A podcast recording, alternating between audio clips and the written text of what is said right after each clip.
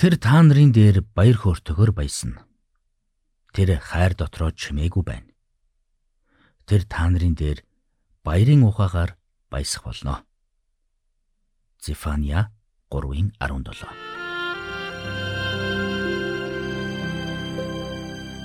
Мэргэний сонсог, мэдлэгийн тэлэг. Ухаалх нь мэрэгэн өдөр төмжийг мөн авах. Доктор Харалт цаалогийн мэрэгэн зөвлөмж нэвтрүүлэг.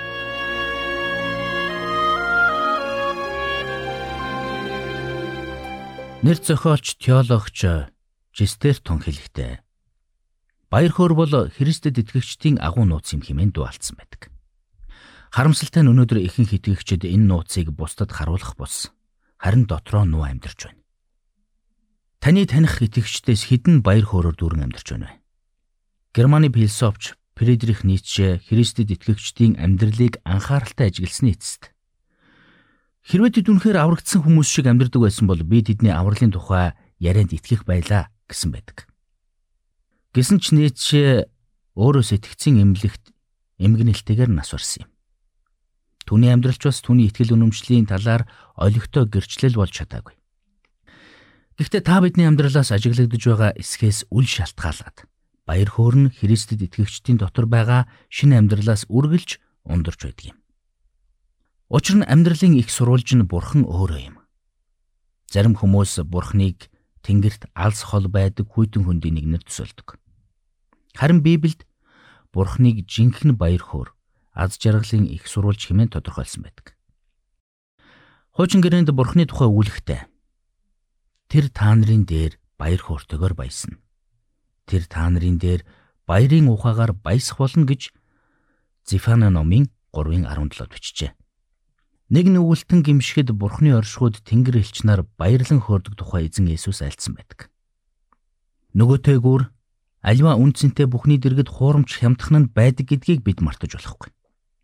Тиймээс ч амьдралдаа баяр хөөргийг ирж хайсан хүмүүс жинхэнэ баяр хөөргийг бус хуурамч төрхөн зүрийн баяр хөөргийг олоод түүндээ сэтгэл ханаа амьдэрдэг.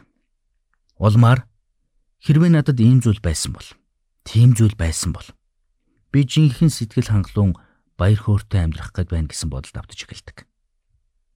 Гэвч үнэндээ энэ бодол ямар ч үр дүнгүй юм.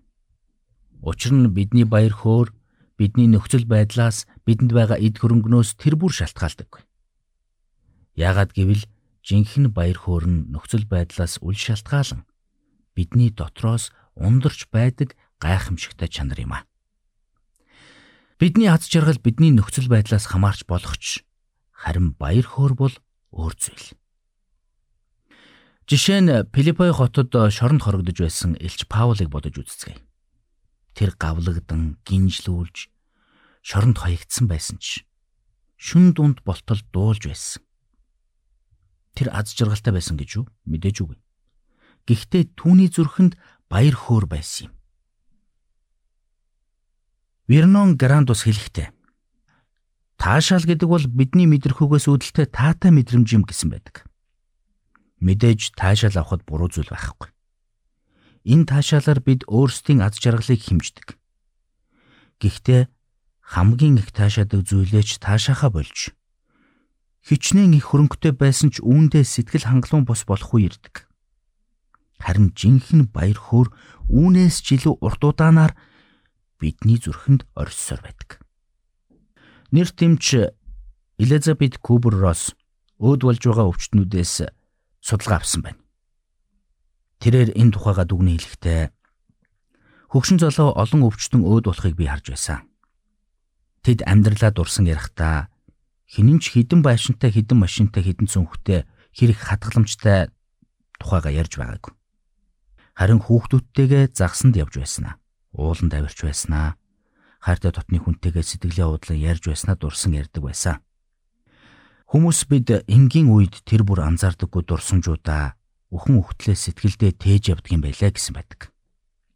Эзэн Есүс ч бас үүнтэй адил санааг илэрхийлэн хэлсэн байдаг.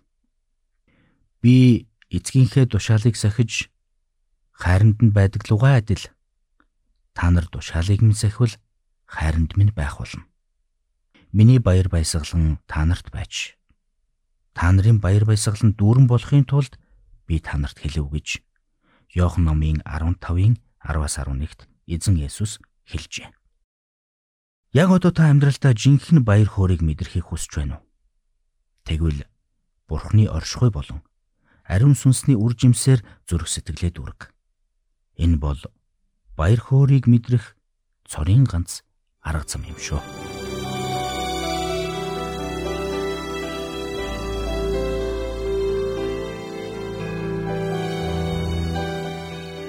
Мэргэн нэгнийг дагвал мэргэн, мулгуутай нөхөрлөл хорлол. Доктор Харалт Салигийн мэрэгэн зөвлөмж нэвтрүүлгийг танд хүргэлээ.